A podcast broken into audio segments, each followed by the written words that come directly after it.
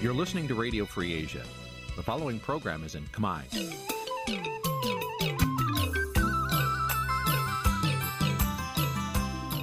នេះជាកម្មវិធីផ្សាយ Vuthu Azizi Serai នេះជាកម្មវិធីផ្សាយរបស់ Vuthu Azizi Serai ជាភាសាខ្មែរ Vuthu Azizi Serai សូមស្វាគមន៍លោកអ្នកនាងទាំងអស់ពីរដ្ឋធានី Washington នៃសហរដ្ឋអាមេរិក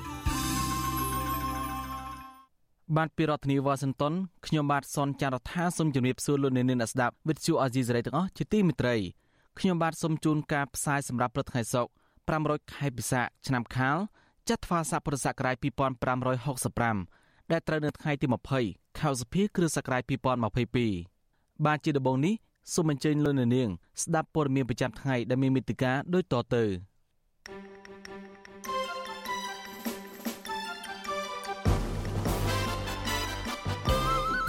គណៈបកភ្លើងទៀនចរអាញាធរខេត្តកណ្ដាលថាយកលុយទិញសកម្មជនគណៈបករបស់ខ្លួនបុគ្គលិក Nagavel ថាបកកណ្ដាលអំណាចអាចបាត់ស្លឹកឆ្នោតប្រសិនបើមិនដោះស្រាយវិវាទការងាររបស់ពួកគេពលរដ្ឋខ្មែរនៅអឺរ៉ុបត្រៀមធ្វើបាតកម្មប្រឆាំងវត្តមានលោកហ៊ុនសែននៅប្រទេសស្វីសយុវជនជិះកង់នៅតំបន់បឹងតមោកផ្សព្វផ្សាយពីក្តីបារម្ភចំពោះការលុបបង្នេះរួមនឹងព័ត៌មានផ្សេងៗមួយចំនួនទៀត។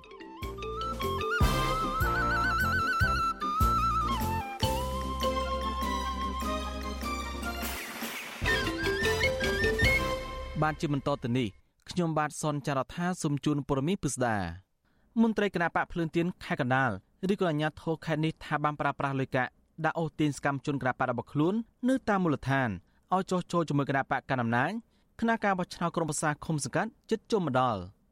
មន្ត្រីជំនាញការបោះឆ្នោតមើលឃើញថាសកម្មភាពបែបនេះគឺជាទង្វើខុសច្បាប់ហើយជាយុទ្ធសាស្ត្របន្សាបអត្តពលរបស់គណៈបកភ្លើងទៀនបាទពីរដ្ឋធានីវ៉ាស៊ីនតោនលោកជីវតារាយការណ៍ព័ត៌មាននេះ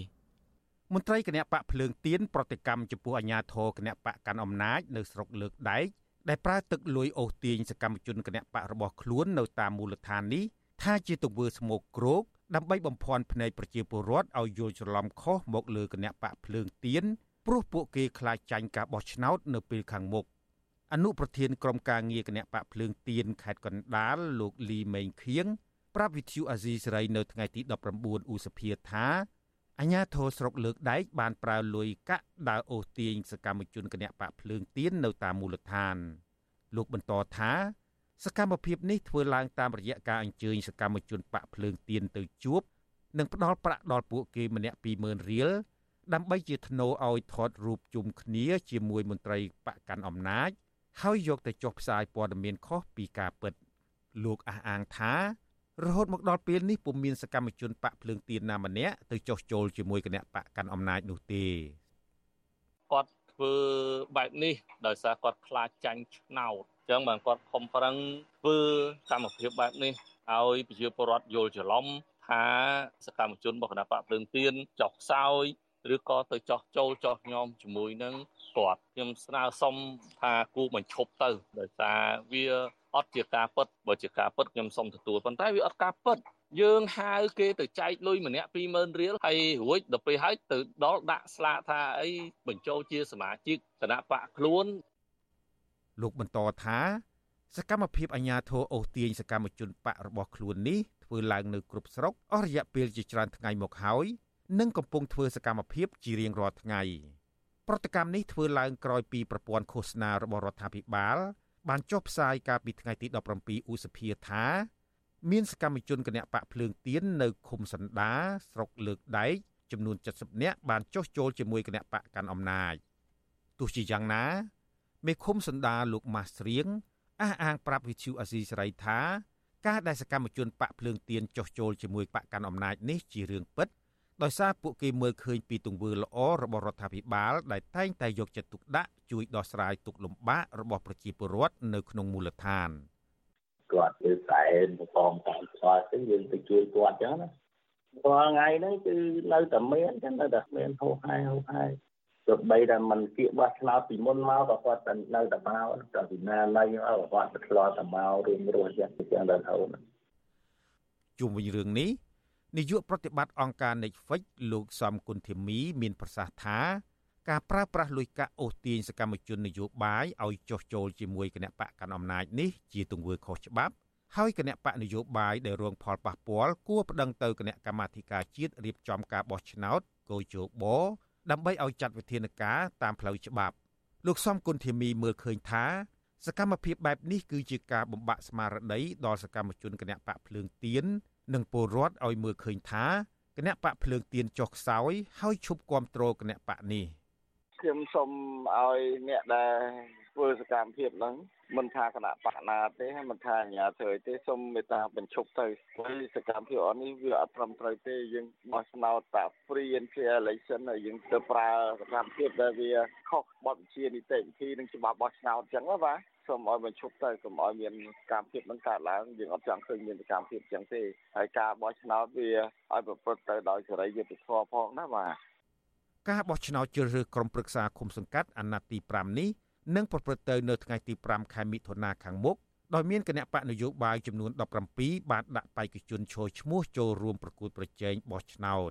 ក្នុងចំណោមនោះមានគណៈបកតែពីរប៉ុណ្ណោះដែលបានដាក់បេក្ខជនប្រដំប្រសងគ្នា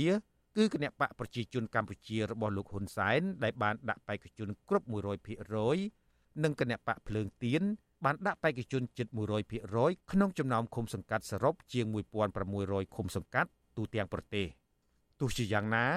ស្របពេលដែលការបោះឆ្នោតកាន់តែខិតជិតចូលមុខដល់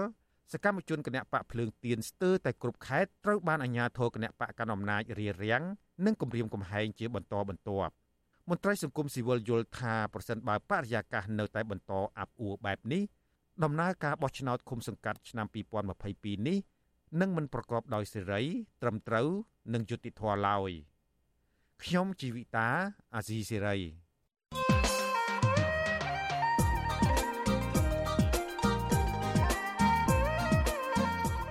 បាទលោកនៅនាងជាទីមត្រីយុទ្ធនាការឃោសនាបោះឆ្នោតក្រុមប្រឹក្សាឃុំសង្កាត់ នឹងចាប់ផ្ដើមជាផ្លូវការនៅថ្ងៃស្អែកនេះ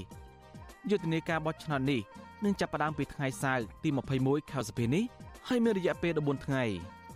បើទោះបីជាគៀកដល់ថ្ងៃឃោសនានៅថ្ងៃបោះឆ្នោតយ៉ាងណាក៏ដោយភាពតានតឹងនយោបាយនៅកម្ពុជាមិនតបានធូរស្រាលនៅឡើយទេមេគណៈបកប្រឆាំងធំជាងគេគឺលោកកឹមសុខាមិនតមានសិទ្ធិធ្វើនយោបាយឡើងវិញនៅឡើយទេមេគណៈបកនយោបាយមួយទៀតដែលប្រងនឹងចុចឈ្មោះចូលរួមការបោះឆ្នោតនេះគឺលោកសៀមផ្លុងក៏ត្រូវបានអាជ្ញាធរចាប់ដាក់ពន្ធនាគារ ក្រៅពីនេះគណៈបកភ្លើងទៀនដល់លោកសំរងស៊ីអះអាងថាមកកាត់ឡើងដោយអតីតសហការីនិងអតីតសិស្សរបស់លោកក៏រងការគំរាមកំហែងហើយទទួលរងការរំខានជាប្រចាំរួមមានការរារាំងមិនឲ្យបេក្ខជនមួយចំនួនឈរឈ្មោះនិងការបំផ្លាញស្លាកគណៈបកជាដើមនៅក្នុងស្ថានភាពបែបនេះតើការឃោសនាបោះឆ្នោតនិងការបោះឆ្នោតនឹងមានបរិយាកាសបែបណាបាទយើងនៅមានវាគ្មិនកិត្តិយសដែលខ្លុំមើលការបោះឆ្នោតនៅកម្ពុជាមកជួយវិញ្ញាណផ្ដល់ការវិភាគខ្លះៗ តាក់ទងទៅនឹងការឃោសនានិងការបោះឆ្នោតនេះនៅក្នុងនីតិវេទិកាអ្នកស្ដាប់វិទ្យុអេស៊ីសេរីនៅយប់ថ្ងៃសុក្រទី20ខែសុភានេះ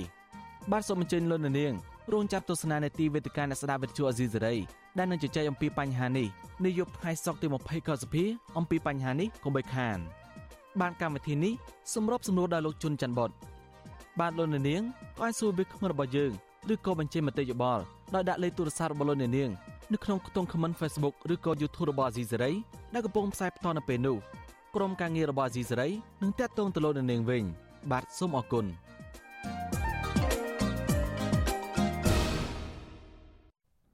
បានលោកនាងជាទីមត្រីពលរដ្ឋខ្មែរនៅអឺរ៉ុបក្រុងធ្វើបាតកម្មថ្ងៃសៅរ៍ទី21ខែសុភាកមុននេះនៅក្រុងស៊ូរិកប្រទេសស្វីដើម្បីទាមទារអនុយុរដ្ឋមន្ត្រីហ៊ុនសែនងាកមកគោរពសិទ្ធិមនុស្សប្រជាធិបតេយ្យហើយចរចាដោះស្រាយវិបត្តិនយោបាយ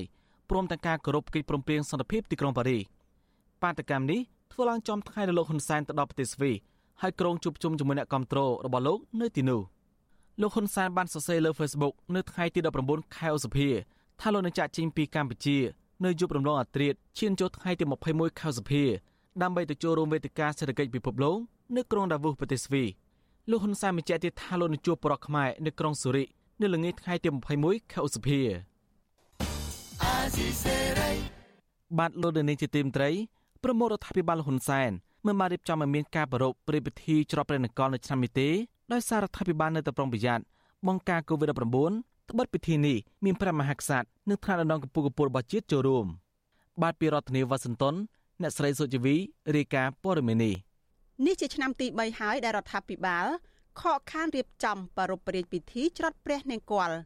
លោកនាយរដ្ឋមន្ត្រីហ៊ុនសែន ត្រឹមសរសេរនៅលើ Facebook កាលពីថ្ងៃទី19ខែឧសភា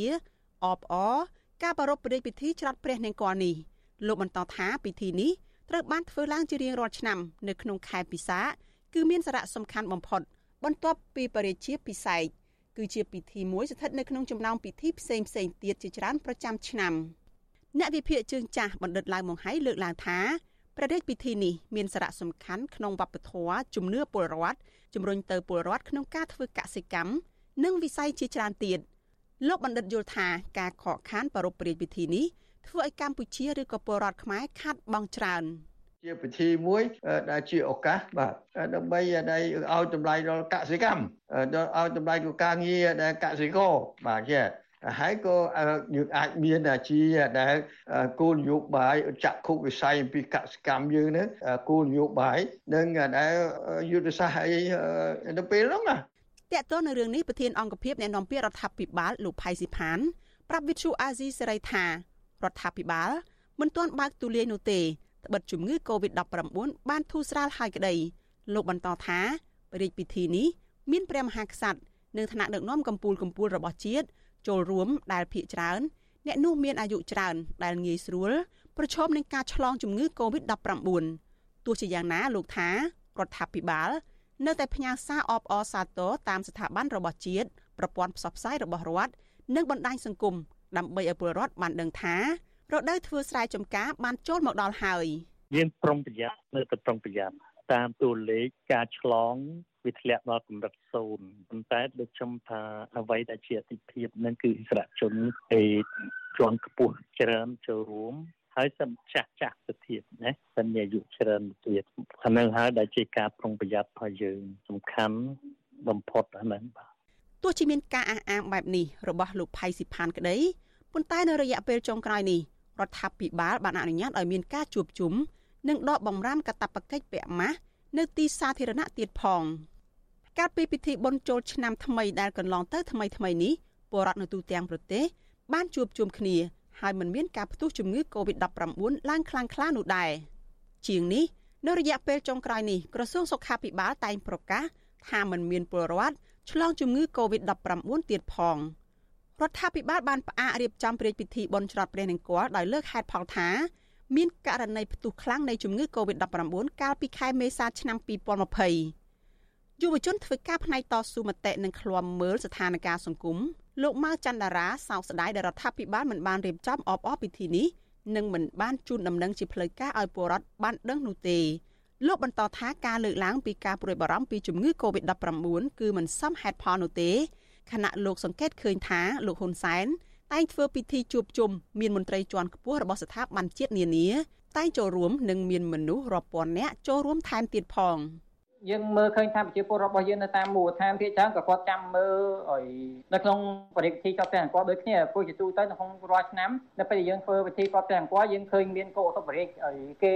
នឹងដាក់ឲ្យគោសម្រាប់ឲ្យបរិភោគបាទមានស្រូវមានសណ្ដែកមានអីផ្សេងផ្សេងអញ្ចឹងគេនឹងធ្វើការព្យាករតកតងទៅនឹងផលិតភាពកសិកម្មតាមផ្នែក ព្រះរាជពិធីបុណ្យច្រត់ព្រះនង្គ័លគឺជាពិធីបុណ្យពីបរមបុរាណមកគឺជាជួងបន្លឺប្រាប់ប្រជាពលរដ្ឋដែលពឹងផ្អែកលើការធ្វើកសិកម្ម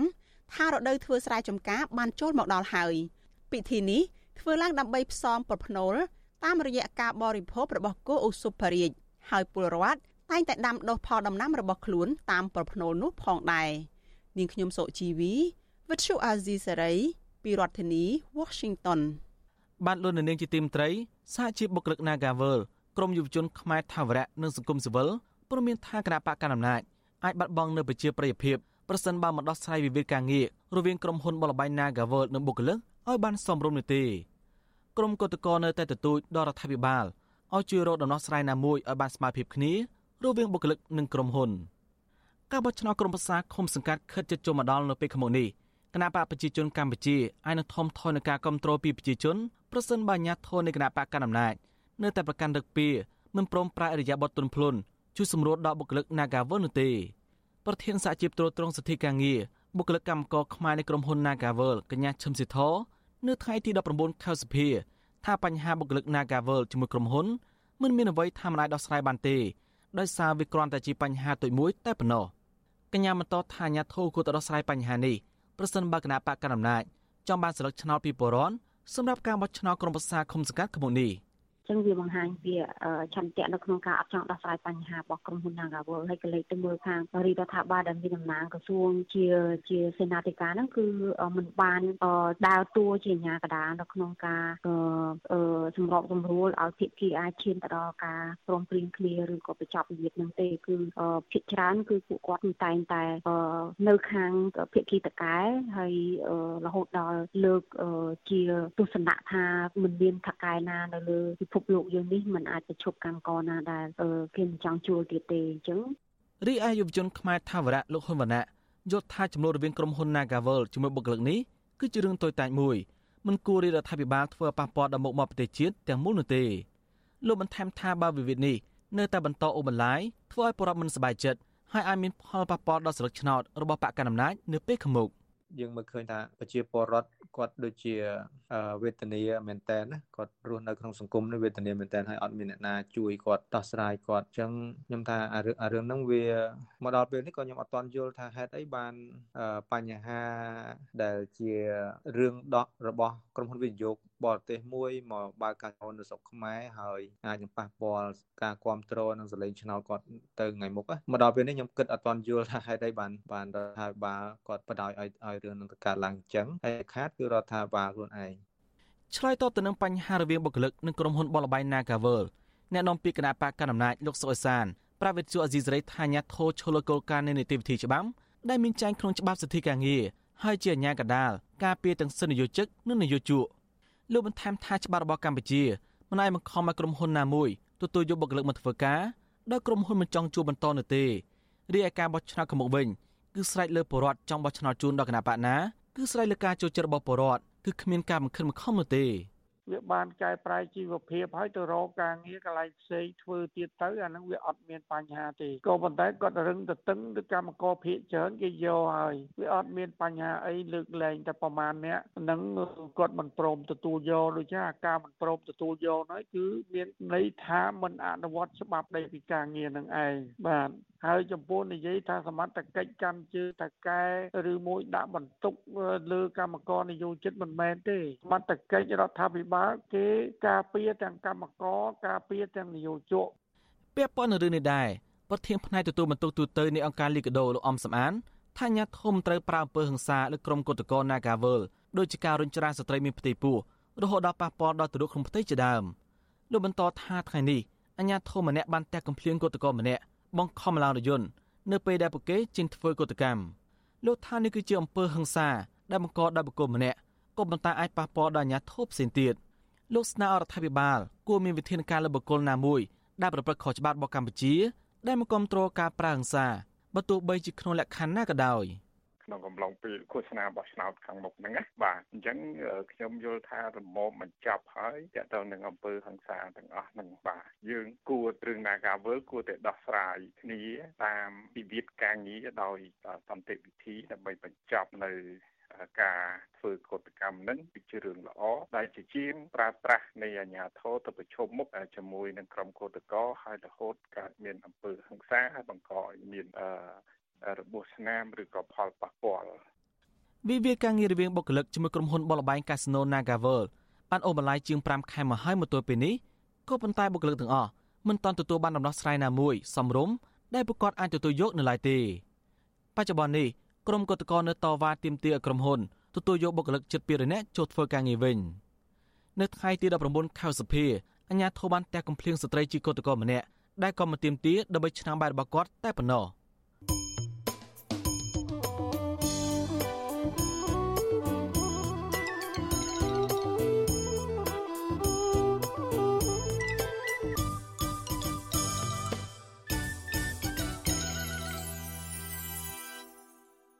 បានលន់នៅនាងជាទីមត្រីនៅវិភាគលឡានថាបន្ទូបីជាកម្ពុជាប្រឹងប្រែងបង្កើនទំនាក់ទំនងពាណិជ្ជកម្មជាមួយប្រទេសជាច្រើនក្នុងតំបន់ក៏ចរន្តសេដ្ឋកិច្ចកម្ពុជានៅតែគ្មានសន្ទុះខ្លាំងក្លាដែរពួកគេយល់ថារដ្ឋាភិបាលលហ៊ុនសែនគួរកិត្តគូស្ដារប្រជាធិបតេយ្យឡើងវិញដើម្បីឲ្យមានការនាំចេញទំហំផលិតផលក្នុងស្រុកទៅកាន់សហភាពអឺរ៉ុបនិងអាមេរិកឲ្យបានទូលំទូលាយជាងមុនការលើកឡើងនេះធ្វើឡើងក្រោយពេលនាយករដ្ឋមន្ត្រីហ៊ុនសែនបានជួបប្រជុំតាមប្រព័ន្ធវីដេអូជាមួយនាយករដ្ឋមន្ត្រីឥណ្ឌាលោក Narendra Modi ដើម្បីពង្រឹងទំនាក់ទំនងទ្វេភាគីនៃប្រទេសទាំងពីរហើយពន្លឿនការចុះហត្ថលេខានៃកិច្ចព្រមព្រៀងពាណិជ្ជកម្មសេរីរវាងកម្ពុជានិងឥណ្ឌាបាទពីរដ្ឋធានីវ៉ាស៊ីនតោនលោកជាតិចំណានរាយការណ៍ព័ត៌មាននេះក្រុមអ្នកតាមដានស្ថានភាពនយោបាយលើកឡើងថារដ្ឋាភិបាលលោកហ៊ុនសែនមិនគួរបន្តធ្វើឲ្យបាត់បង់ទីផ្សារធំធំនៅសហភាពអឺរ៉ុបនិងសហរដ្ឋអាមេរិកដោយសារតែមិនចង់ស្ដារលទ្ធិប្រជាធិបតេយ្យនិងការគោរពសិទ្ធិមនុស្សនោះទេពួកគេយល់ថាបើទោះបីជាលោកហ៊ុនសែន កំពុងស្វាស្វែងបង្កើតទំនាក់ទំនងនៃកិច្ចព្រមព្រៀងពាណិជ្ជកម្មសេរីរវាងប្រទេសចិននិងឥណ្ឌាក៏ចរន្តសេដ្ឋកិច្ចកម្ពុជាមិនមានភាពល្អប្រសើរដែរដោយសារតែប្រទេសចិននិងឥណ្ឌាក៏កំពុងតែពឹងផ្អែកក្នុងការនាំចេញផលិតផលទៅកាន់ទីផ្សារធំៗនៅសហភាពអឺរ៉ុបនិងសហរដ្ឋអាមេរិកដែរក្នុងជំនួបកិច្ចពិភាក្សាតាមប្រព័ន្ធវីដេអូកាលពីយប់ថ្ងៃទី18ខែឧសភាជាមួយនឹងលោកនាយរដ្ឋមន្ត្រីឥណ្ឌាលោក Narendra Modi លោកហ៊ុនសែនថ្លែងថាបើទោះបីជាទំហំពាណិជ្ជកម្មរវាងប្រទេសកម្ពុជានិងឥណ្ឌា មានការធ្លាក់ចុះនៅសម័យកាល COVID-19 ក្តីប៉ុន្តែនៅក្នុងឆ្នាំ2021មានការកើនឡើងប្រមាណ300លានដុល្លារលោកហ៊ុនសែនក៏បានជំរុញដល់រដ្ឋាភិបាលឥណ្ឌាបញ្ចប់នីតិវិធីបច្ចេកទេសឲ្យបានឆាប់ដើម្បីពន្លឿនទៅលើការចុះហត្ថលេខានៃកិច្ចព្រមព្រៀងពាណិជ្ជកម្មសេរីរវាងកម្ពុជានិងឥណ្ឌាអ្នកជំនាញច្បាប់និងកិច្ចការនយោបាយអន្តរជាតិកញ្ញាសេងធារីប្រាប់វិសុអេស៊ីសរ៉ៃនៅថ្ងៃទី19ខែឧសភាថាបណ្ដាប្រទេសដែលរបបឯកបក ប្រឹងប្រែងបង្កើតទំនាក់ទំនងនៃកិច្ចព្រមព្រៀងពាណិជ្ជកម្មសេរីក្នុងនោះរួមមានប្រទេសចិននិងឥណ្ឌាក៏ពឹងដង្ហើមសេដ្ឋកិច្ចក្នុងការនាំផលិតផលក្នុងស្រុកទៅកាន់ទីផ្សារអឺរ៉ុបដែរ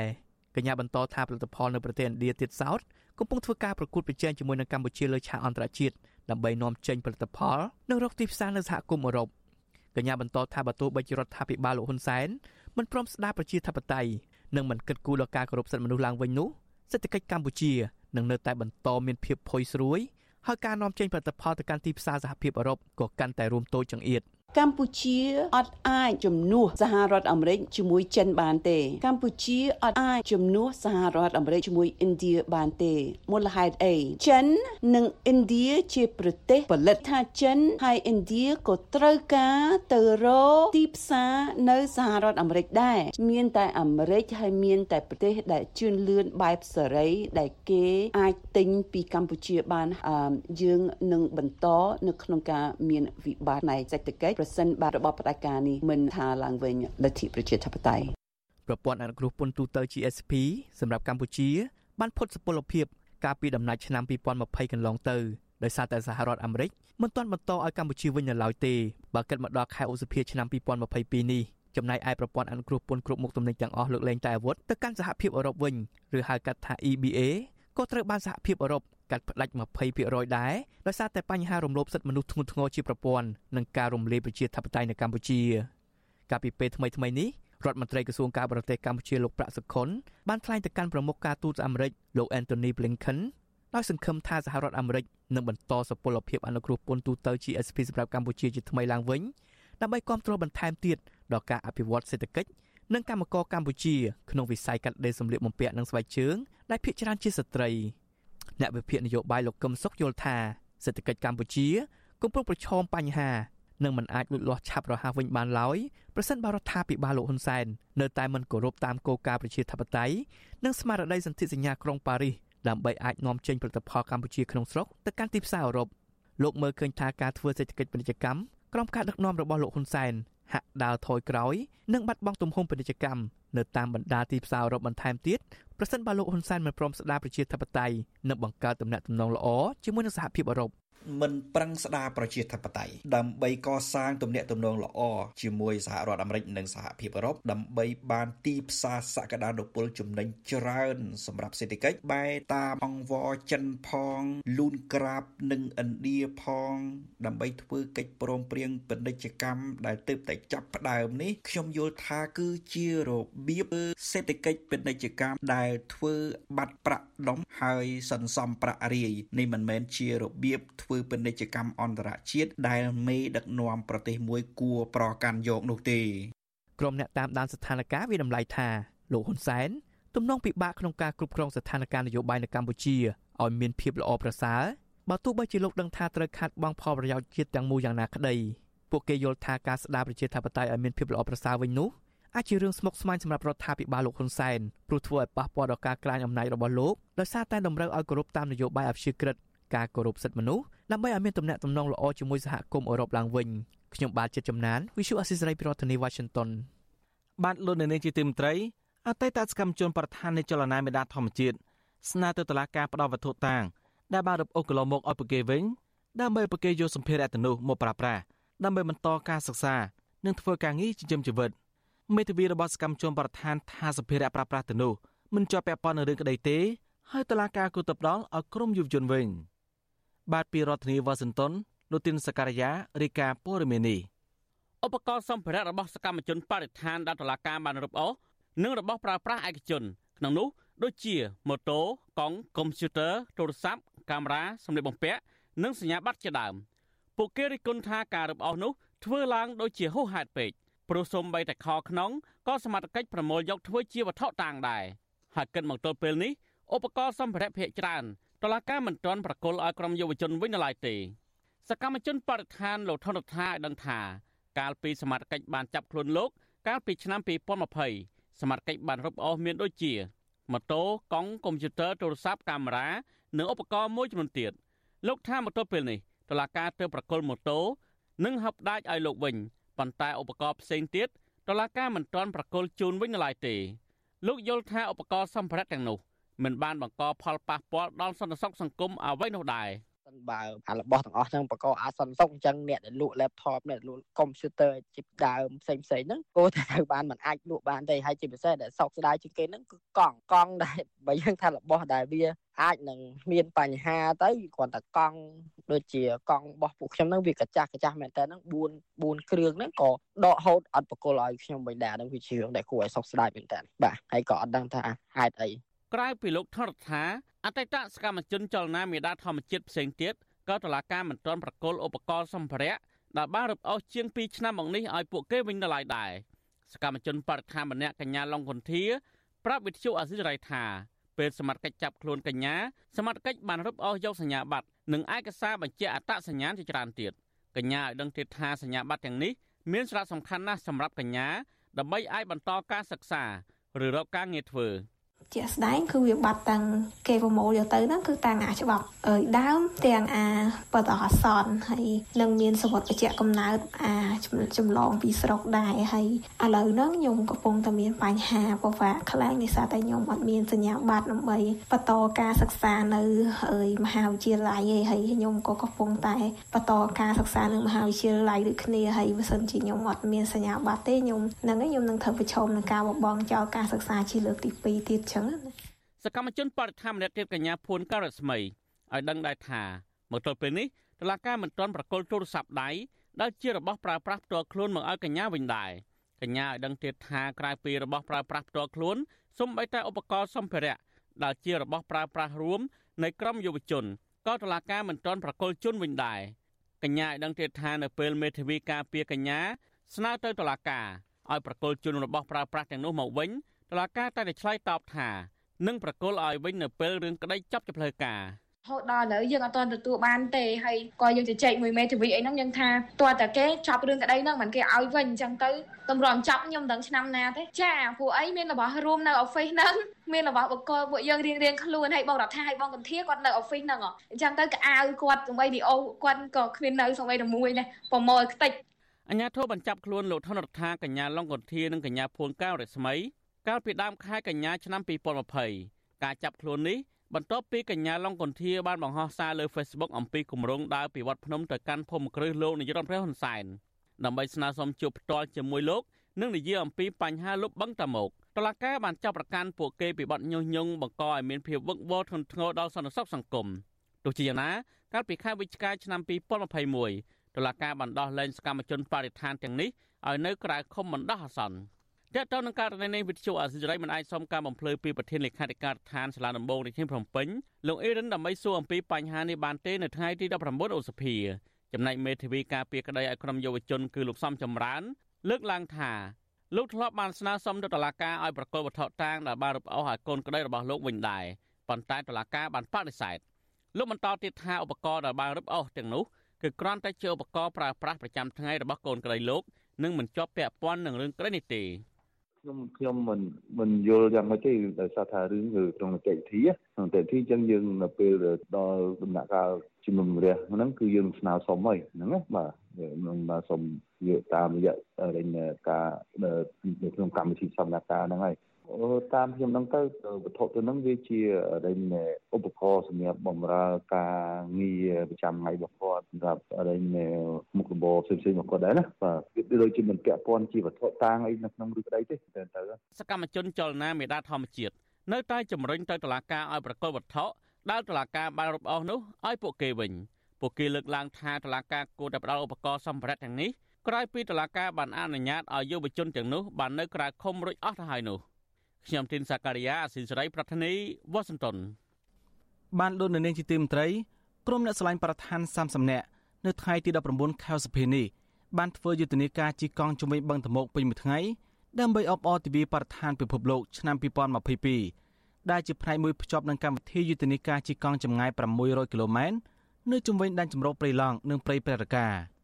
យុទ្ធនាការនេះផ្ដោតសំខាន់បញ្ញាក់ស្មារតីឲ្យប្រជាពលរដ្ឋនិងយុវជន ចាប់អារម្មណ៍ចំពោះគម្រោងលុបបឹងតមោកទំហំជាង2000ហិកតា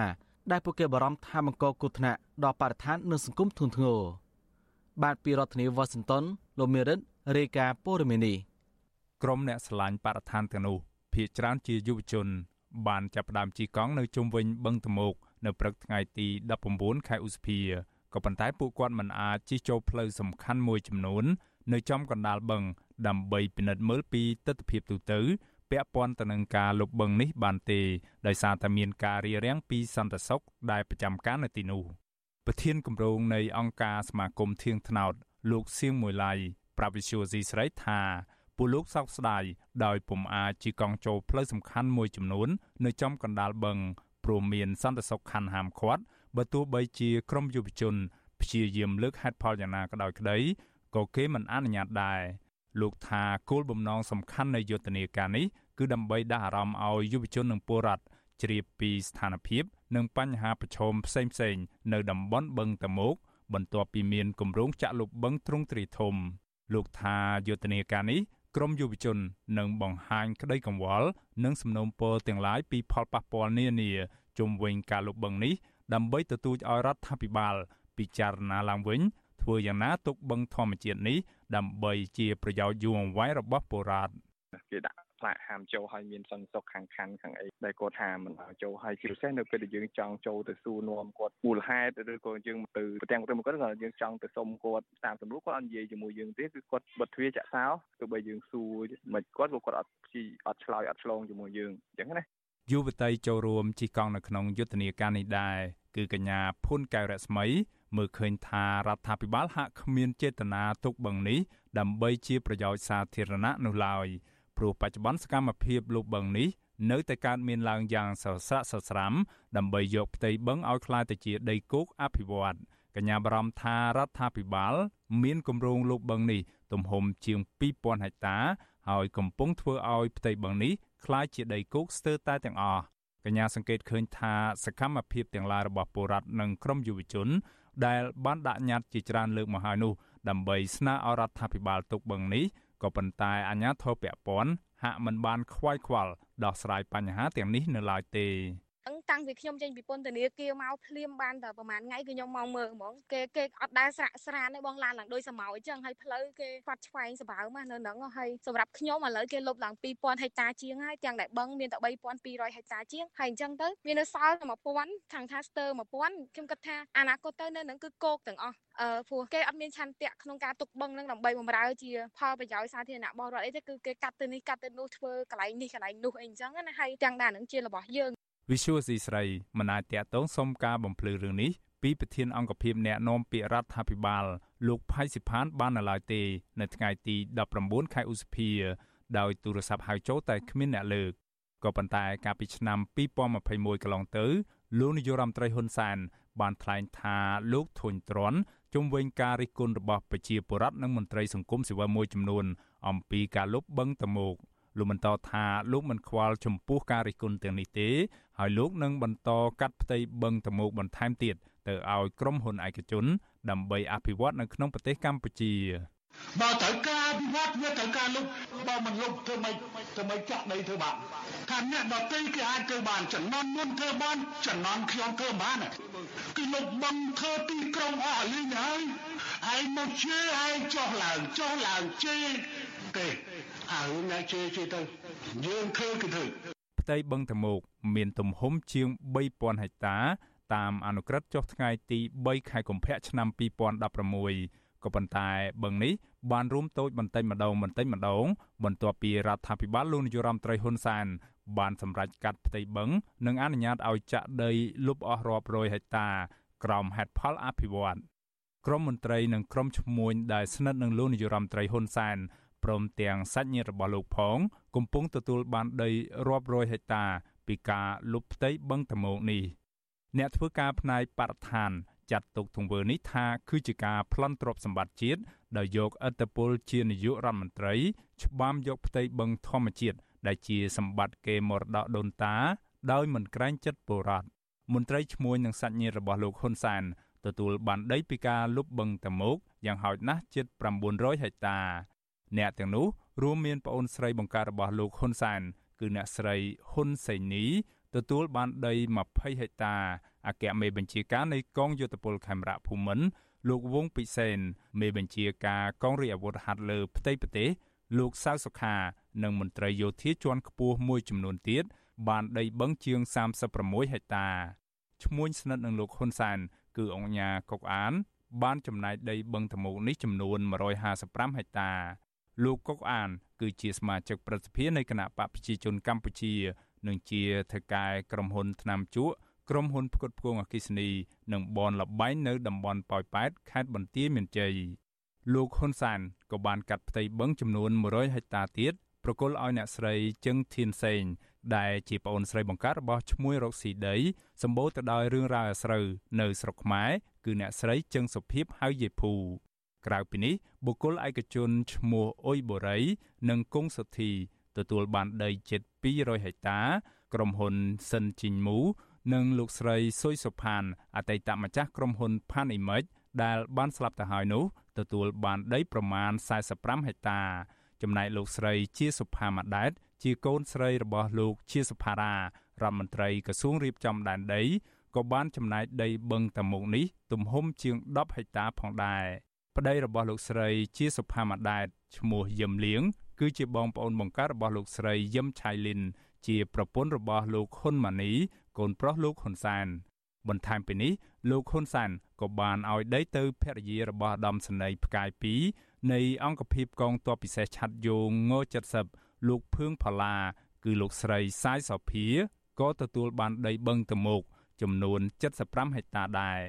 ចំណែកឯបុគ្គលមួយចំនួនទៀតរួមមានលោកស្រីអ៊ុំបូផាទទួលបានផ្ទៃបឹងតមោកជិត200ហិកតា លោកស្រីឈូសុកយូទទួលបានដីជាង65ហិកតាឆ្លើយតបនឹងរឿងនេះស្ថាបនិកចលនាមេដាធម្មជាតិលោក Alejandro Gonzalez Davidson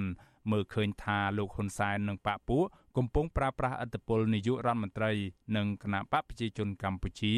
ធ្វើអ្វីស្រេចតែចិត្ត ដោយមិនខ្វល់ចំពោះក្តីបារម្ភនិងទុក្ខវេទនារបស់ពលរដ្ឋនោះឡើយលោកថាការច្បាមយកទ្រព្យសម្បត្តិជាតិដ៏ធំសម្បើមបែបនេះគឺជាការទទួលខុសត្រូវរបស់លោកហ៊ុនសែននៅក្នុងកំណត់ត្រាប្រវត្តិសាស្ត្រជាតិលោកសង្កត់ធ្ងន់ថាបឹងតមោកកំពុងក្លាយជាកន្លែងរកស៊ីយ៉ាងពេញទំហឹងរបស់ត្រកូលហ៊ុននិងបពុ គ្មានណាដែលអាចប្រកែកបានទេដល់តែកន្លែងហ្នឹងគឺកន្លែងកន្លែងបោះតកុលហ៊ុនទេដើម្បីចំណេញដើម្បីរកស៊ីខ្លួនឯងទេហ្នឹងណាអញ្ចឹងបានខ្ញុំថាសូមសរសើរយុវជនសរសើរអង្គការសង្គមស៊ីវិលទេដែលដែលហ៊ានតស៊ូហ៊ានខិតខំប្រឹងប្រែងរឿងហ្នឹងប៉ុន្តែដោយសោកស្ដាយដែលនាយករដ្ឋមន្ត្រីនឹងជាអ្នកគួរបំរើប្រជារាស្ត្រគួរបំរើបព្វជ័យរួមបព្វជ័យជាតិបែរជាយកតបសម្បត្តិរបស់យើងទាំងអស់គ្នាដើម្បីលក់ដើម្បីចំណេញខ្លួនឯងនិងគ្រួសារគាត់អាហ្នឹងវាជារឿងដ៏សោកស្ដាយ របាយការណ៍របស់អង្គការសមាគមធៀងថ្នោតចេញផ្សាយកាលពីខែធ្នូឆ្នាំ2019បង្ហាញថាចាប់តាំងពីឆ្នាំ1990មករដ្ឋាភិបាលបានលុបបឹងធម្មជាតិនៅរាជធានីភ្នំពេញអស់ចំនួន16បឹងហើយចំណែកឯបឹងដែលនៅសេសសល់ចំនួន10ទៀតកំពុងប្រឈមទៅនឹងការចាក់លុបដោយផ្នែកដោយផ្នែកជាបណ្ដាបណ្ដាការលុបបឹងទាំងនោះអាចធ្វើឲ្យក្រុងភ្នំពេញរងនឹងការគំរាមកំហែងដោយគ្រោះទឹកជំនន់ ទាំងចំនួនទឹកភ្លៀងនិងទាំងចំនួនពីប្រព័ន្ធទន្លេមេគង្គព្រមទាំងបង្កផលប៉ះពាល់ដល់បរិស្ថានជីវៈចម្រុះនិងបង្កឲ្យមានការរំលោភសិទ្ធិមនុស្សជាដើមខ្ញុំបាទមេរិត Visual C ស្រីរាយការណ៍ពីរដ្ឋធានី Washington បានលោកនៅនាងជាទីមត្រីមន្ត្រីចុងខ្ពស់ក្រសួងមហាផ្ទៃទទួលស្គាល់ពីការកើនឡើងករណីជួញដូរស្ត្រីខ្មែរទៅរៀបការនៅប្រទេសចិនហើយបដិញ្ញាបង្ក្រាបទប់ស្កាត់ឲ្យស្ថានភាពទាំងនេះល្អប្រសើរឡើងវិញ មន្ត្រីអង្គការសង្គមស៊ីវិលជំរុញរដ្ឋាភិបាលទប់ស្កាត់ឲ្យដោះស្រាយបញ្ហានេះឲ្យបានដើម្បីសង្គ្រោះដល់ប្រជាជនរងគ្រោះ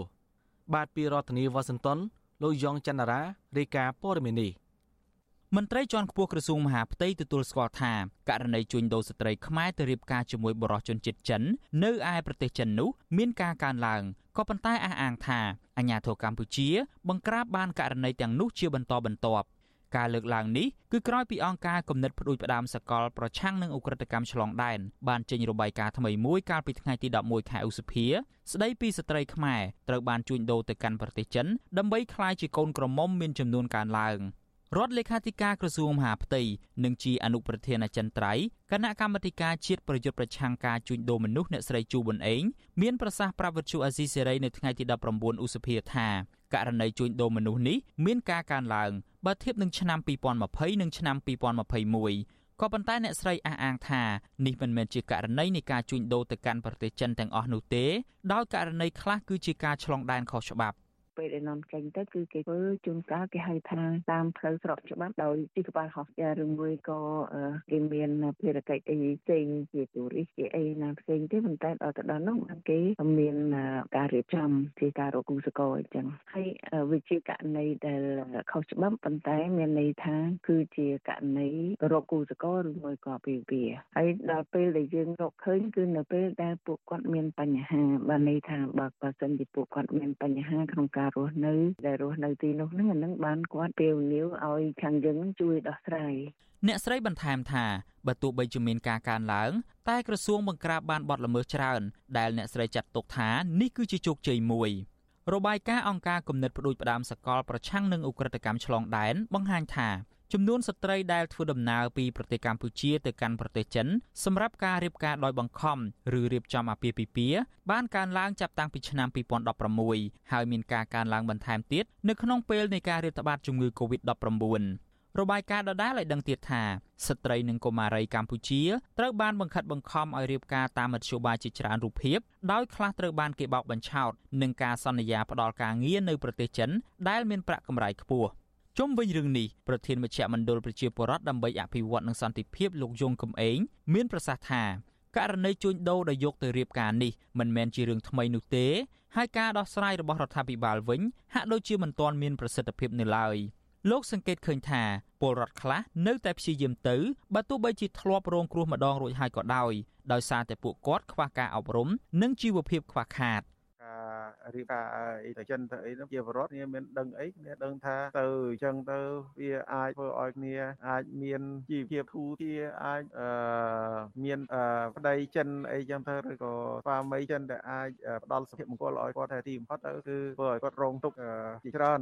កន្លងមកដែលបញ្ហានោះដែលមានការជួបប្រទះហើយប្រជាពលរដ្ឋខ្មែរមួយចំនួនក៏គ្នាមិនទៅទទួលបានព័ត៌មានជាក់លាក់អំពីការរៀបការទៅថាវាមានបញ្ហាយ៉ាងម៉េចយ៉ាងម៉ានោះក៏គ្នាមិនសូវបានទទួលព័ត៌មានដែរបាទលោកយងកំឯងបន្តទៀតថាអាញាធរកម្ពុជា គួរសិក្សាឲ្យបានស៊ីជម្រៅអំពីការដែលពលរដ្ឋចាញ់បោកករណីដដាលដដាលនេះហើយបណ្ដោះបណ្ដាលនិងផ្សព្វផ្សាយអំពីករណីទាំងនេះឲ្យបានច្រើនដល់ប្រជាពលរដ្ឋងាយរងគ្រោះ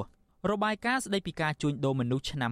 2021របស់ក្រសួងការបរទេសអាមេរិកបង្ហាញថាកម្ពុជាមិនបានគោរពឲ្យបានពេញលេញតាមបទដ្ឋានអបបរមាដើម្បីលុបបំបាត់ការជួញដូរមនុស្សនៅឡើយទេ ជាមួយគ្នានេះរដ្ឋាភិបាលកម្ពុជាមិនបានផ្ដល់ការការពារគ្រប់គ្រាន់ដល់ជនរងគ្រោះនៅក្នុងប្រទេសនិងក្រៅប្រទេសក៏ប៉ុន្តែបែរជាពឹងផ្អែកខ្លាំងទៅលើម្ចាស់ជំនួយបរទេសនិងអង្គការក្រៅរដ្ឋាភិបាលដើម្បីផ្ដល់ការថែទាំដល់ជនរងគ្រោះទៅវិញរបាយការណ៍ដដែលគូបញ្ជាក់ថាអំពើពុករលួយនិងកង្វះឆន្ទៈនយោបាយនៅតែជាឧបសគ្គដល់ការនាំខ្លួនអ្នកជួញដូរមនុស្សឲ្យមកទទួលខុសត្រូវតាមផ្លូវច្បាប់ខ្ញុំយ៉ងច័ន្ទដារាវិទ្យុអាស៊ីសេរីរាយការណ៍ពីរដ្ឋធានី Washington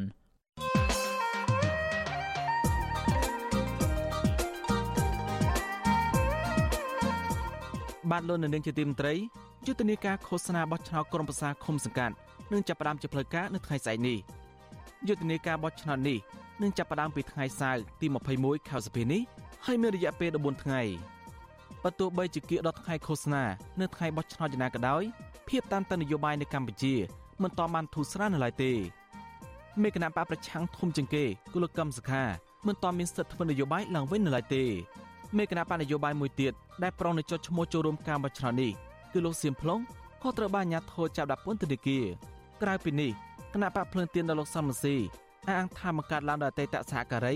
និងអតីតសិស្សរបស់លោកក៏រងការគំរាមកំហែងហើយទទួលរងការរំខានជាប្រចាំរួមមានការរារាំងមិនឲ្យបេក្ខជនមួយចំនួនចូលឈ្មោះនិងការបំផ្លាញស្លាកគណៈបកជាដើមនៅក្នុងស្ថានភាពបែបនេះតើការឃោសនាបោះឆ្នោតនិងការបោះឆ្នោតនឹងមានបរិយាកាសបែបណា បាទយើងនឹងមានវាគ្មិនកិត្តិយសដែលខ្លុំមើលការបោះឆ្នោតនៅកម្ពុជាមកជួយវិញ្ញាណផ្ដល់ការវិភាគខ្លះៗតាក់ទងទៅនឹងការឃោសនានិងការបោះឆ្នោតនេះនៅក្នុងនីតិវេទិកាអ្នកស្ដាប់វិទ្យុអេស៊ីសេរីនៅយប់ថ្ងៃសុក្រទី20ខែសុភានេះបាទសូមអញ្ជើញលោកនាងរងចាំទស្សនានាទីវេទិកាអ្នកស្ដាប់វិទ្យុអេស៊ីសេរីដែលនឹងជជែកអំពីបញ្ហានេះនៅយប់ថ្ងៃសុក្រទី20ខែសុភាអំពីបញ្ហានេះកុំបីខាន បានកម្មវិធីនេះសម្របសម្រួលដោយលោកជុនច័ន្ទបតបាទលោកនាងក៏អាចសួរវាគ្មិនរបស់យើង ឬក៏បញ្ចេញមតិយោបល់ដោយដាក់លេខទូរស័ព្ទរបស់លោកនាងនៅក្នុងខ្ទង់ comment Facebook ឬក៏ YouTube របស់ Azizi Saray ដែលកំពុងផ្សាយផ្ទាល់នៅពេលនេះក្រុមការងាររបស់ Azizi Saray នឹងតាក់ទងទៅលោកនាងវិញ បាទសូមអរគុណ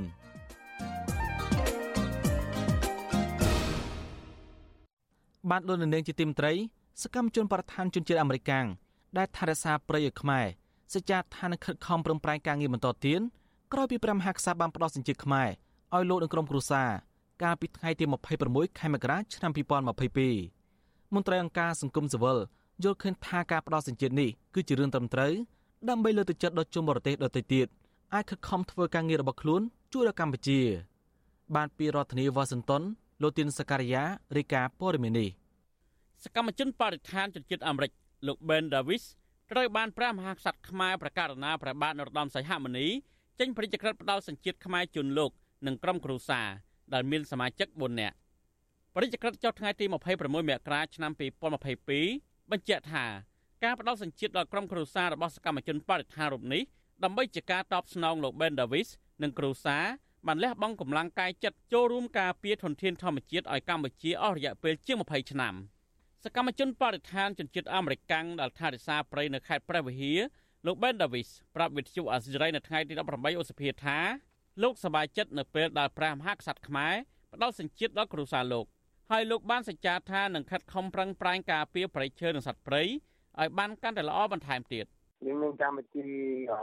ទេសចរធម្មជាតិអ៊ីកូទេសចរហើយយើងការពារព្រៃក្នុងឆ្នាំក្នុងពោកវាក៏ជា4ម៉ឺនហិកតាយើងសហការជាមួយបរិស្ថានបរិស្ថានគឺក្នុងបរិស្ថានហើយយើងល្បាត់ព្រៃការពារព្រៃវាបានតែប៉ុណ្ណឹងវាក្នុងពេលយើងចូលសញ្ជាតិវានៅដដែលតើតើនៅបញ្ហានេះរដ្ឋមន្ត្រីក្រសួងបរិស្ថានលោកសាយសំអាលថ្លែងនៅក្នុងកម្មវិធីប្រគល់ប្រជាក្រិតផ្ដល់សញ្ជាតិខ្មែរជូនគ្រូសាលោកបេនកាលពីថ្ងៃទី14ឧសភាថា កម្ពុជាបានក្លាយជាម្ចាស់ផ្ទះរបស់បេននិងក្រុមគ្រួសារហើយថ្ងៃនេះជាថ្ងៃមួយដ៏វិសេសវិសាលសម្រាប់បេននិងក្រុមគ្រួសារលោកបន្តថាលោកបេននិងក្រុមគ្រួសារស្ថិតនៅក្នុងចំណោមមនុស្សជាច្រើនដែលបានមកបំពេញការងារនៅកម្ពុជាជាច្រើនឆ្នាំដែលមានការលើកទឹកចិត្តពីព្រះមហាក្សត្រលោកថាលោកបេននិងក្រុមគ្រួសារបានលះបង់កម្លាំងកាយចិត្តជាមួយមន្ត្រីអชิនរៈនៃមន្ទីរបរិស្ថានខេត្តព្រះវិហារនិងបានចូលរួមអភិរក្សធនធានធម្មជាតិនៅខេត្តព្រះវិហារកាន់តែមានភាពល្អប្រសើរ។ ជុំវិញនឹងការផ្ដល់សញ្ជាតិខ្មែរជូនជនជាតិអាមេរិកនិងក្រុមគ្រួសារនេះមន្ត្រីសម្រាប់សម្រួលសមាគមការពារស្ថិមនោអាត់ហុកប្រចាំខេត្តព្រះវិហារលោកឡៅច័ន្ទយល់ឃើញថាលោក Ben Davis និងក្រុមគ្រួសារស័កសមនឹងទទួលបានសញ្ជាតិខ្មែរព្រោះសកម្មជនបរិស្ថានមួយគ្រួសារនេះបានលះបង់កម្លាំងកាយចិត្តស្នាក់នៅក្នុងព្រៃដើម្បីថែរក្សាព្រៃឈើនិងសត្វព្រៃឲ្យកម្ពុជាអស់រយៈពេលជាង20ឆ្នាំមកហើយ គាត់គឺជាមនុស្សម្នាក់ដែលជាជនជាតិគេសោះជនជាតិបរទេសសោះបែជាមកខំការពីធនធានធម្មជាតិព្រៃឈើដីធ្លីនៅខ្មែរយើងទៅវិញនៅកម្ពុជាយើងទៅវិញដូច្នេះការផ្ដល់សញ្ជាតិឲ្យគាត់ដើម្បីជាការលើកទឹកចិត្តផងក៏វាជាមោទនភាពរបស់គាត់ផងដែរដែលគាត់មានសញ្ជាតិគេទទួលបានសញ្ជាតិខ្មែរមួយទៀត លោកឡៅច័ន្ទបន្ថែមថារដ្ឋាភិបាលគួរតែស្នើដល់ព្រះមហាក្សត្រផ្ដល់សញ្ជាតិជូនជនបរទេសដទៃទៀតដែលធ្វើការដើម្បីផលប្រយោជន៍កម្ពុជាជាច្រើនរូបទៀតសកម្មជនបរិស្ថានលោក Ben Davis ជាជនជាតិអាមេរិកនិងភរិយាកូន2នាក់ជាជនជាតិអូស្ត្រាលីហើយបានមករស់នៅប្រទេសកម្ពុជាតាំងពីឆ្នាំ1992មកលោក Ben បានមកបំពេញការងារការពារប្រៃឈើនៅខេត្តព្រះវិហាររយៈពេលជាង20ឆ្នាំហើយពលគឺគ្រួសាររបស់លោកបានរស់នៅក្នុងព្រៃជាមួយធម្មជាតិតំបន់នោះ តាំងពីឆ្នាំ2002មកអំឡុងពេលស្នាក់នៅខេត្តព្រះវិហារលោកបានចូលរួមលើកកម្ពស់ជីវភាពរស់នៅរបស់ប្រជាពលរដ្ឋខ្មែរនៅតំបន់នោះនិងបានបង្រៀនពលរដ្ឋខ្មែរឲ្យចេះស្រឡាញ់ធនធានធម្មជាតិចូលរួមការពារនិងអភិរក្សព្រៃឈើនិងសត្វព្រៃក្នុងដែនចម្រុះសត្វព្រៃភ្នំថ្នោតភ្នំពកក្នុងភូមិសាស្ត្រស្រុកសង្គមថ្មីនិងស្រុកកូលែននិងខេត្តព្រះវិហារនិងស្រុកជីក្រែងខេត្តសៀមរាបលោក Ben Davis ទទួលសិទ្ធិពីក្រសួងបរិស្ថាន គ្រប់គ្រងនិងអភិរក្សលើផ្ទៃដីជាង7000ហិកតាដែលមានធនធានធម្មជាតិនិងជីវៈចម្រុះច្រើនប្រភេទនៅតំបន់ដែនចម្រុះសត្វព្រៃភ្នំថ្នោតភ្នំពកស្ថិតនៅខេត្តព្រះវិហារនិងខេត្តសៀមរាបមានទំហំផ្ទៃដីសរុបជាង42000ហិកតាក្រសួងបរិស្ថានផ្ដល់កិច្ចសហការអភិរក្សដល់គម្រោង B3 របស់លោក Ben Davis ជាជនជាតិអាមេរិកនិងបានធ្វើឲ្យคล้ายជាតំបន់ទេសចរបែបធម្មជាតិខ្ញុំទីនសាការីយ៉ាអស៊ីសេរីប្រធានីវ៉ាស៊ីនតោន បានលោកនៅនាងជាទីមត្រីលោកប្រាក់សេរីវុឌ្ឍស្ម័គ្រចិត្តចូលបម្រើការងារក្នុងសហព័ន្ធខ្មែរកម្ពុជាក្រោមចាប់តាំងពីឆ្នាំ1996មកកាលពីថ្ងៃទី8ខែសីហាកន្លងទៅលោកប្រាក់សេរីវុឌ្ឍត្រូវបានគណៈកម្មការនយោបាយសហព័ន្ធបោះឆ្នោតជ្រើសរើសធ្វើជានាយកប្រតិបត្តិសម្រាប់4ឆ្នាំបន្តទៀតតើលោកប្រាក់សេរីវុឌ្ឍមានប្រវត្តិហើយទស្សនវិស័យអ្វីខ្លះសម្រាប់ដឹកនាំសហព័ន្ធក្នុងរយៈពេល4ឆ្នាំបន្តទៅទៀតនេះបាទពីរដ្ឋធានីវ៉ាស៊ីនតោនលោកយុនសាមៀនរាយការណ៍ព័ត៌មាននេះ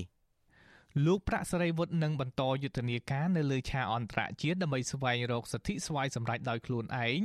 នៅថ្ងៃអនាគតជូនពលរដ្ឋខ្មែរក្រោមដែលរស់នៅលើទឹកដីកំណើតគឺយើងនឹងធ្វើការបង្ហាត់ណែនាំបញ្យល់ឲ្យបងប្អូនខ្មែរក្រោមយើងជាពិសេសនៅទឹកដីកម្ពុជាក្រោមពីសិទ្ធិរបស់យើងដែលជាជនជាតិដើម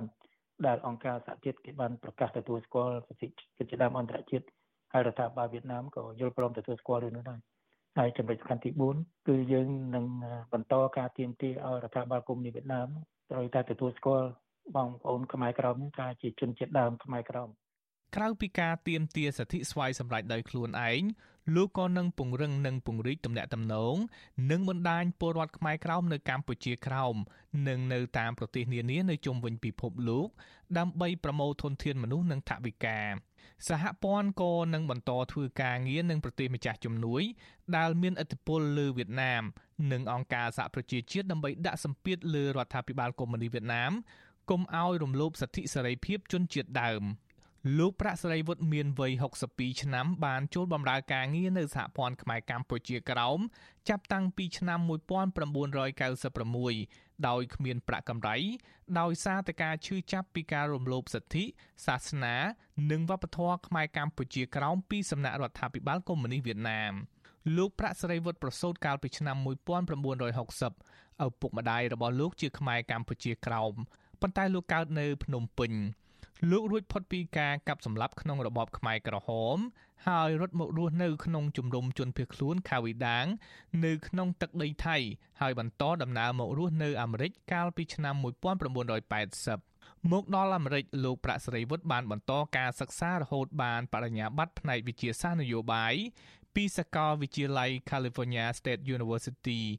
លោកធ្លាប់បម្រើការងារជាជំនួយការអតីតតំណាងរាស្ត្រអាមេរិកនៅរដ្ឋ California ជាមន្ត្រីជួយដល់ពលរដ្ឋខ្មែរអាមេរិកដែលជួបប្រទះបញ្ហាអន្តោប្រវេសន៍លោកក៏បានជួយពលរដ្ឋខ្មែរដែលធ្លាប់ប្រព្រឹត្តកំហុសឲ្យពួកគេកែប្រែខ្លួនឲ្យជាមនុស្សល្អចេញពីពន្ធនាគារមនុស្សមានវិបត្តិផ្លូវចិត្តនិងសុំជំនួយផ្ដល់ជូនជនពិការនិងមនុស្សចាស់ជរាជាដើម លោកប្រាក់ស្រីវុឌ្ឍលើកឡើងថាកាលពីអាណត្តិ4ឆ្នាំកន្លងទៅ ចាប់ពីឆ្នាំ2016ដល់ឆ្នាំ2022 លោកបានសម្រេចកិច្ចការជាច្រើន ដើម្បីលើកកម្ពស់សិទ្ធិជនជាតិដើមនៅកម្ពុជាក្រោម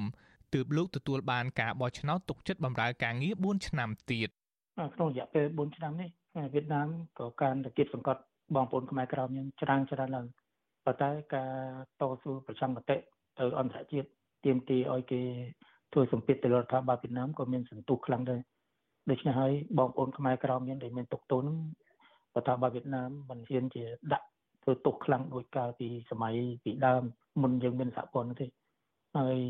កិច្ចការហ្នឹងគឺថាដោយសារសម្ពាធម្ចាស់ជំនួយអន្តរជាតិទាំងឡាយដែលផ្ដល់ទៅប្រទេសវៀតណាមយើងបានទៅរីកាប្រាប់គេទាំងរដ្ឋាភិបាលអូស្ត្រាលី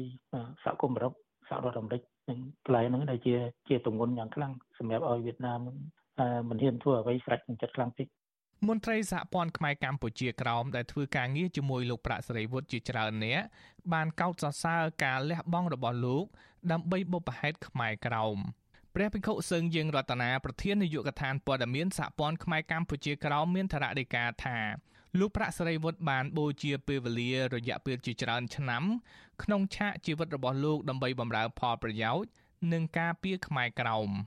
បគណៈកម្មការនយោបាយរបស់សហព័ន្ធខ្មែរកម្ពុជាក្រមបានបោះឆ្នោតជ្រើសរើសលោកប្រាក់សេរីវិទ្យជាប្រធាន ប្រតិបត្តិនៃសហព័ន្ធខ្មែរកម្ពុជាក្រមសម្រាប់អនត្តកាលទី2នេះគឺដោយយល់ឃើញថាទី1លោកប្រាក់សេរីវិទ្យគឺមានសមត្ថភាពនិងឯកទេសផ្នែកវិទ្យាសាស្ត្រនយោបាយបហើយទី2ទៀតគឺការលះបង់ស្ម័គ្រចិត្ត បំរើសហព័ន្ធខ្មែរកម្ពុជាក្រមស្ទើរអស់មួយជីវិតពដើម្បីពុបហេតុសិទ្ធសម្រេចវាសនាខ្លួនដោយខ្លួនឯងពហើយចំណុចទី3ទៀតហ្នឹងគឺលោកប្រាក់ស្រីវិទ្យគឺមានការទទួលខុសត្រូវខ្ពស់ចំពោះការងារនិងមិនគិតអំពីផលប្រយោជន៍បន្តខ្លួនពសហព័ន្ធខ្មែរកម្ពុជាក្រោមមានមូលដ្ឋាននៅសហរដ្ឋអាមេរិក ជាអង្គការធ្វើចលនាតស៊ូមតិដោយអហិង្សា នៅលើឆាកអន្តរជាតិដើម្បីតស៊ូទាមទាររដ្ឋាភិបាលវៀតណាមគោរពសិទ្ធិមនុស្សសិទ្ធិរស់នៅដោយសវត្ថិភាពសិទ្ធិរក្សាសាសនាវប្បធម៌ទំនៀមទម្លាប់ប្រពៃណីនិងសិទ្ធិសម្រេចវាសនាដោយខ្លួនឯងរបស់ខ្មែរក្រោមដែលជាជនជាតិដើម នៅលើដែនដីកម្ពុជាក្រោម សហព័ន្ធខ្មែរកម្ពុជាក្រោមត្រូវបានមហាសន្និបាត លើកទី5នៃខ្មែរកម្ពុជាក្រោមពិភពលោកបង្កើតឡើងកាលពីថ្ងៃទី4ខែសីហាឆ្នាំ1996លោកប្រាក់សេរីវត្តបញ្ញាចិត្តថាទោះបីលក្ខន្តិកៈសហព័ន្ធអនុញ្ញាតឲ្យលោកធ្វើជានាយកប្រតិបត្តិរយៈពេល8ឆ្នាំក៏ដោយប៉ុន្តែក្រោយពេលលោកចប់អាណត្តិលោកនឹងបន្តជួយកិច្ចការងារសហព័ន្ធដដែលពេលណាចប់អាណត្តិហើយ យើងសូមឲ្យស្ម័គ្រចិត្តជួយជួយបន្តទៅជាទីប្រឹក្សារបស់អង្គការសហព័ន្ធខ្មែរកម្ពុជាក្រោមទៀតនឹងទៅតាមលទ្ធភាពបើអ្នកខ្លះទៀតគេមិនចង់ធ្វើទេគេចង់សម្រាប់ក៏អត់គាត់ដែរប៉ុន្តែបើថាអាចលេខបានយើងត្រូវការការពិសោធន៍ទាំងធ្លាប់មានជួយបន្តទៀតដើម្បីឲ្យគ្នាយើងក្រោយក្រោយជាពិសេសយុវជនយើងយុវនារីដែលក្មេងៗជាតំកាំងស្នររស័យនេះគ្នាបានរៀនសូត្រពីយើងផងយើងជួយបញ្យល់គ្នាទៀតទៅខ្ញុំនឹងបន្តជួយតទៅទៀត អាណានិគមនិយមបារាំងបានកាត់ទឹកដីខ្មែរកម្ពុជាក្រោមឲ្យស្ថិតក្រោមអាណានិគមវៀតណាមគ្រប់គ្រងបន្តទាំងខុសច្បាប់កាលពីថ្ងៃទី4មិថុនាឆ្នាំ1949មន្ត្រីនៃអង្គការខ្មែរក្រោមលើកឡើងថា ចាប់តាំងពីពេលនោះមកអាញាធរអាណានិគមវៀតណាម បានប្រើគ្រប់មធ្យោបាយដើម្បីរំលាយពូជសាសន៍និងព្រះពុទ្ធសាសនាខ្មែរ មូលហេតុនេះហើយទើបជំរុញឲ្យខ្មែរកម្ពុជាក្រោមចាប់ផ្ដើមតស៊ូពលីជីវិតដើម្បីការពារអត្តសញ្ញាណជាតិសិល្បៈវប្បធម៌អក្សរសាស្ត្រព្រះពុទ្ធសាសនាទំនៀមទម្លាប់ប្រពៃណីជាតិជាដើមថ្ងៃទី4ខែមិថុនាឆ្នាំ2022ខាងមុខនេះជាខួប73ឆ្នាំនៃការបាត់បង់ទឹកដីខ្មែរកម្ពុជាក្រោមខ្ញុំយុនសាមៀនវិទ្យុអាស៊ីសេរីប្រធានាធិបតី Washington thank you